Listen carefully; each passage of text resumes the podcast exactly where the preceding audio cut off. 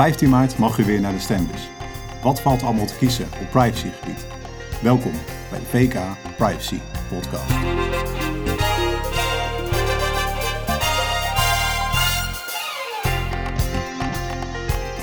Later in de uitzending spreek ik met Frank van Vonderen, privacy-expert, over de afhankelijkheid van leveranciers. Maar nu eerst uh, privacy en verkiezingen. In de uitzending Maris van Rijswijk, privacy-expert bij VK.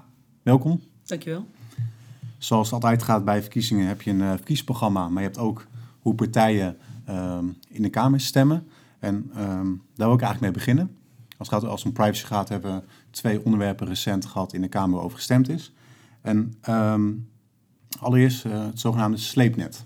Ja, het sleepnet. Veel om te doen uh, geweest de afgelopen periode als je het nieuws hebt gevolgd.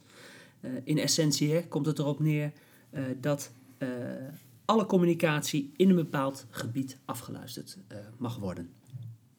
Concreet betekent dat dus hè, dat als er in jouw wijk een verdachte woont, dat jouw telefoon, je pc, je internetserver en dergelijke kan worden getapt. Ongericht. Ongericht. Dat in het bijzonder, omdat je natuurlijk, een, als je het hebt over een verdachte, is dat nog geen misdadiger. Dat weten we allemaal. Je bent mm -hmm. onschuldig totdat je veroordeeld bent. Ja. Die gegevens mogen zij ook bewaren.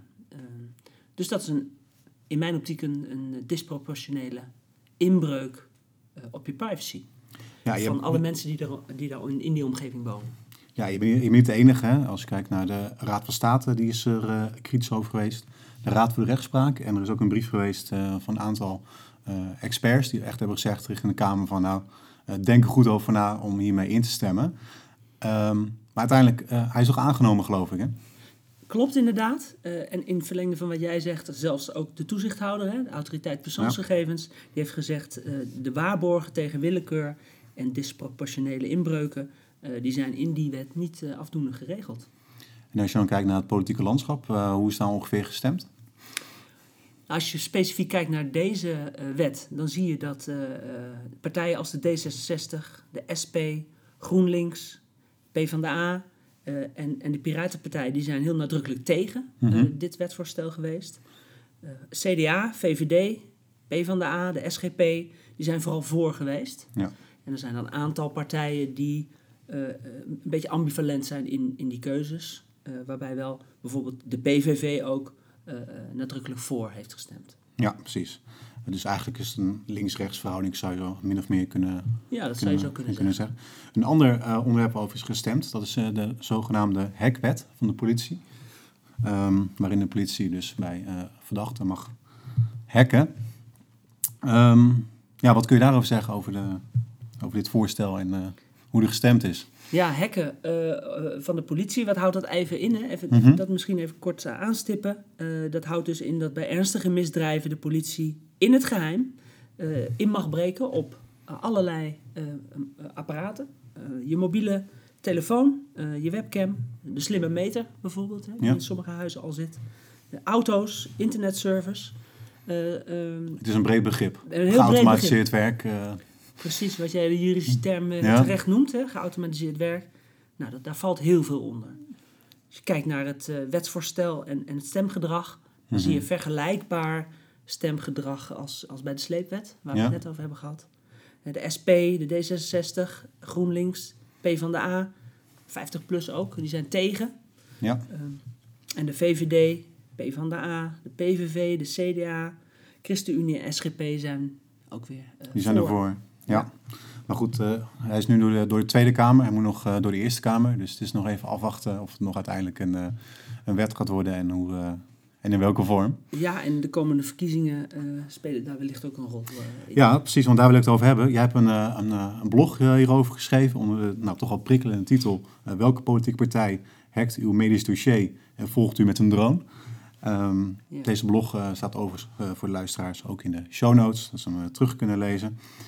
Um, als we het hebben over de verkiezingsprogramma's, hè, um, hoe, hoe, zie jij het stemgedrag, hè, wat, waar we over, over de sleepwet en het hacken, zie je dat ook terug in de verkiezingsprogramma's? Ja, Bas, wat je eigenlijk ziet in de, de, de partijprogramma's, is dat ze de lijn volgen die je ook terugziet in de wetsvoorstellen. Eh, dat is in, bij één partij wat lastiger te beoordelen, dat is de PVV, omdat die in hun partijprogramma überhaupt niet praat over privacy. Er wordt geen woord gerept over Hm. dat thema. Ja, precies. En ehm, hoe vaak wordt überhaupt privacy genoemd in de verschillende programma's? Ja, dat is wel grappig dat je dat vraagt, inderdaad. Eh, de Piratenpartij is natuurlijk eentje die eh, privacy heel erg eh, onder de aandacht probeert te brengen.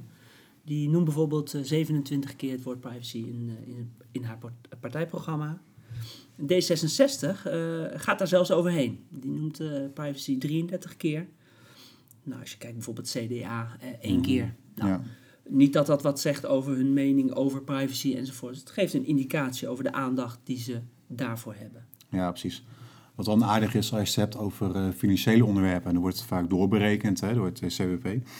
Ehm, als het gaat om privacy, ik, ik zie best wel veel ambitieuze plannen staan van partijen. Ja. Alleen, eh, het, het valt en staat natuurlijk bij handhaving. En daarin heeft de autoriteit persoonsgegevens, onze toezichthouder, heeft daar een belangrijke rol. Ehm, zie jij ook dat in de, in de verkiezingsprogramma's eh, meer capaciteit eh, wordt gepleit voor, voor meer capaciteit bij de autoriteit persoonsgegevens? Nou, dat zie je eigenlijk alleen maar bij GroenLinks. Die heel nadrukkelijk stelt dat de autoriteit persoonsgegevens meer capaciteit moet krijgen om onze privacy te be- eh, beschermen. Ja, De rest van de partijprogramma's eh, gaat daar niet eh, in detail op in. nog niet expliciet benoemd. Nee.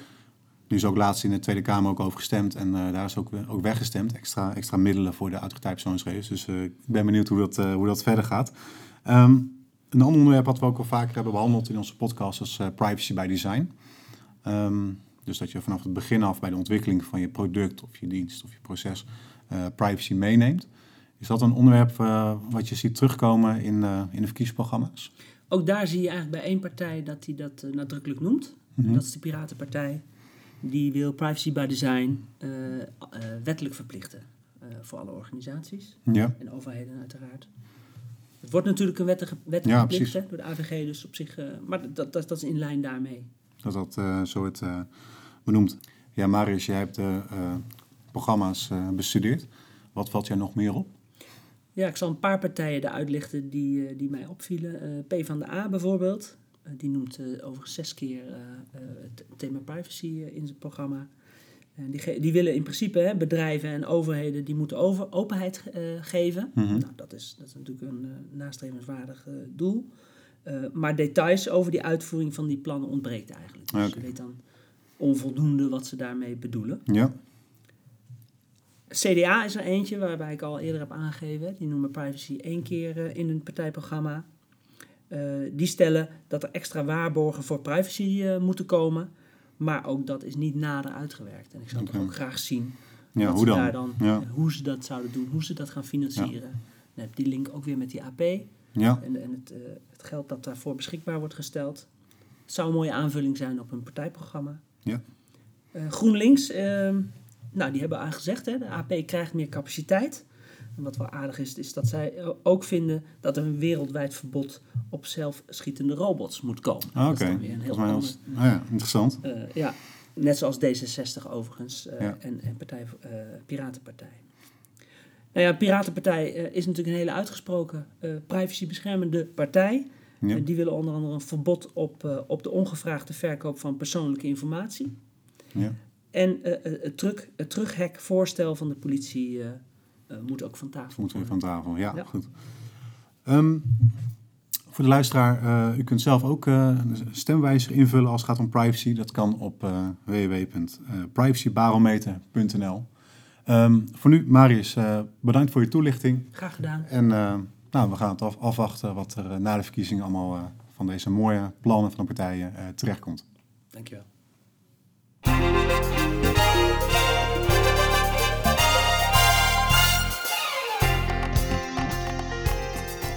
Inmiddels is aangeschoven Frank van Vonderen, privacy-expert bij VKA.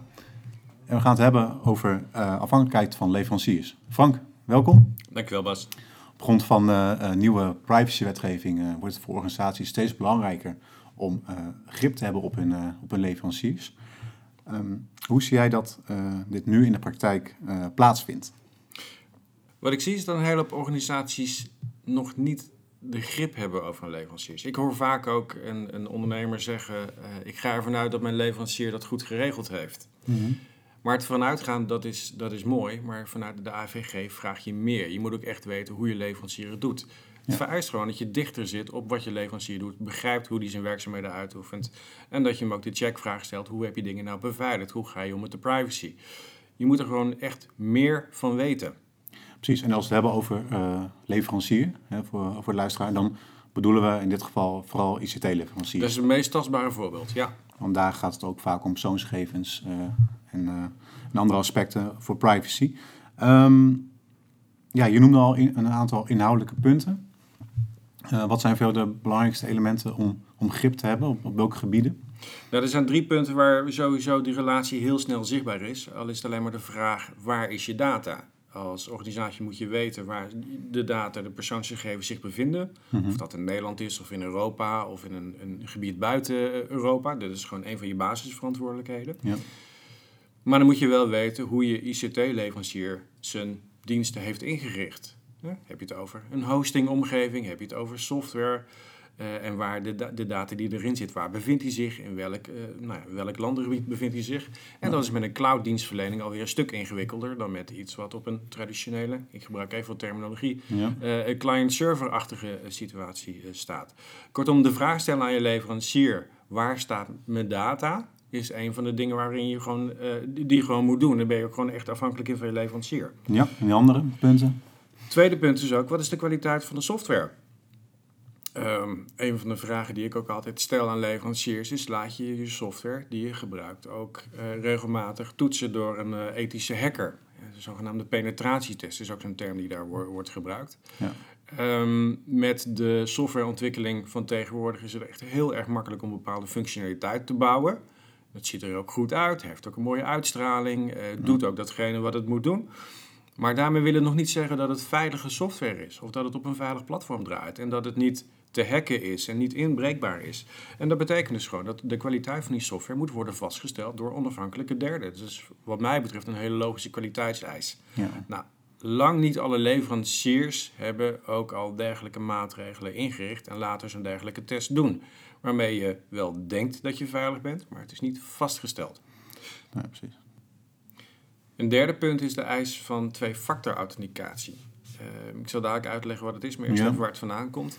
Eh, de autoriteit persoonsgegevens stelt steeds vaker als eis of geeft in haar rapporten steeds vaker als, als soort van interpretatie aan dat bij bijzondere persoonsgegevens, bijvoorbeeld medische gegevens, als je daar toegang toe wilt verlenen via online platformen zoals internet, eh, dat daar ook twee-factor authenticatie moet plaatsvinden. Die eis van twee-factor authenticatie betekent in de praktijk dat er meerdere dingen nodig zijn om jezelf te identificeren bij zo'n applicatie. En dan moet je denken aan één factor, dat is vaak gebruikersnaam en wachtwoord. Maar je hebt daarnaast ook een tweede factor nodig. Nou, daar heb je verschillende vormen voor, zoals bijvoorbeeld een token of, of een certificaat of dat soort zaken. Uh, maar die eis van twee-factor authenticatie is niet iets wat je zelf als klant zomaar even kan bedenken. Je kan niet ineens Nee. bedenken van ik ga nu twee-factor authenticatie toepassen als jouw voorziening, als jouw leverancier dat niet mogelijk maakt. Dus je bent daarin echt afhankelijk van of jouw leverancier wel twee-factor authenticatie ondersteunt. Pas dan kan je daar als klant, als organisatie gebruik van maken. En dat betekent simpelweg dat als jouw leverancier niet meegaat in deze ontwikkelingen, dat jij niet kunt voldoen aan de eisen van de AVG. Precies. En ehm, je, hebt nu, je hebt nu drie onderdelen genoemd. Ik kan me voorstellen dat als het gaat om, om datalekken, ja, we hebben het al eerder genoemd in een, in een vorige uitzending, dat het ook heel belangrijk is om afspraken te maken met je leverancier. Dat je snel kan anticiperen Ja. als bij hem, eh, bij je leverancier, een, een datalek is. Wat ik ook interessant vind, is dat eh, in de AVG eh, komen de rechten van de betrokkenen komen ook heel erg naar voren, dat ze die kunnen uitoefenen. Ehm, denk jij dat organisaties grip hebben op leveranciers als het gaat om rechten betrokkenen? Dat ze zomaar kunnen anticiperen op een verzoek van een betrokkenen die zegt van nou, ik wil inzagen in al mijn gegevens.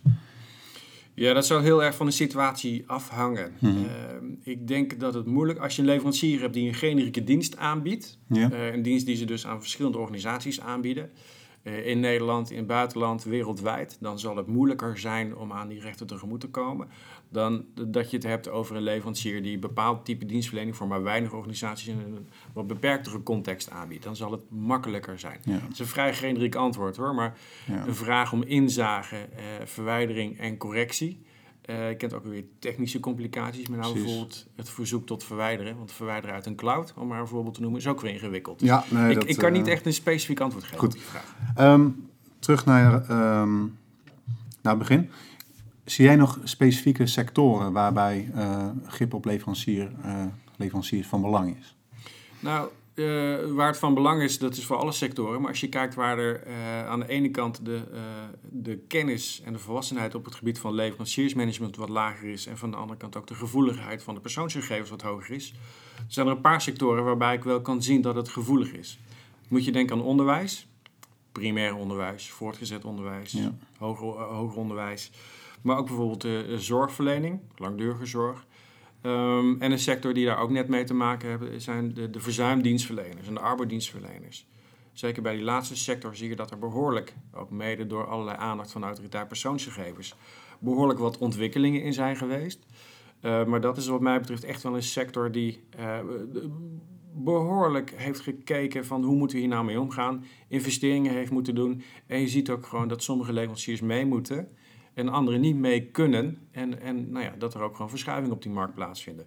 Sectoren waar dit naar mijn idee nog gaat gebeuren zijn dus onderwijs en zorg. Als afsluiter, ehm, ik kan me voorstellen dat, dat er ook eh, luisteraars zijn die zo zeggen van... Oh, eh, ik, ik moet hier iets mee met eh, mijn leveranciers om daar grip op te krijgen. Ehm, wat zouden zij nu als eerste moeten doen? Nou ja, de onderwerpen waar ik het over had, de, eh, hè, een pentest, twee-factor authenticatie. We hebben het ook gehad over die bewerkersovereenkomsten. Nou, je wil ook echt die eisen stellen aan je leverancier. Ga in gesprek, zou jij zeggen, allereerst. Ga in gesprek, maar zorg ook dat je als organisatie zelf de juiste gesprekspartner bent. En dat, is, eh, nou, dat, dat vraagt gewoon een aantal kennisgebieden. Je moet met een, met een leverancier kunnen praten. Dus heb je inkoper, contractmanager nodig. Je moet begrijpen wat je wilt. Hè? Dat is meer vanuit je organisatieperspectief. En je moet ook de antwoorden van de leverancier begrijpen. En dan heb je er ook weer IT-kennis voor nodig. Dus Ja. die drie kenniscomponenten heb je echt wel nodig om ook een volwaardige gesprekspartner te kunnen zijn met je leveranciers. Helder. Dankjewel, Frank.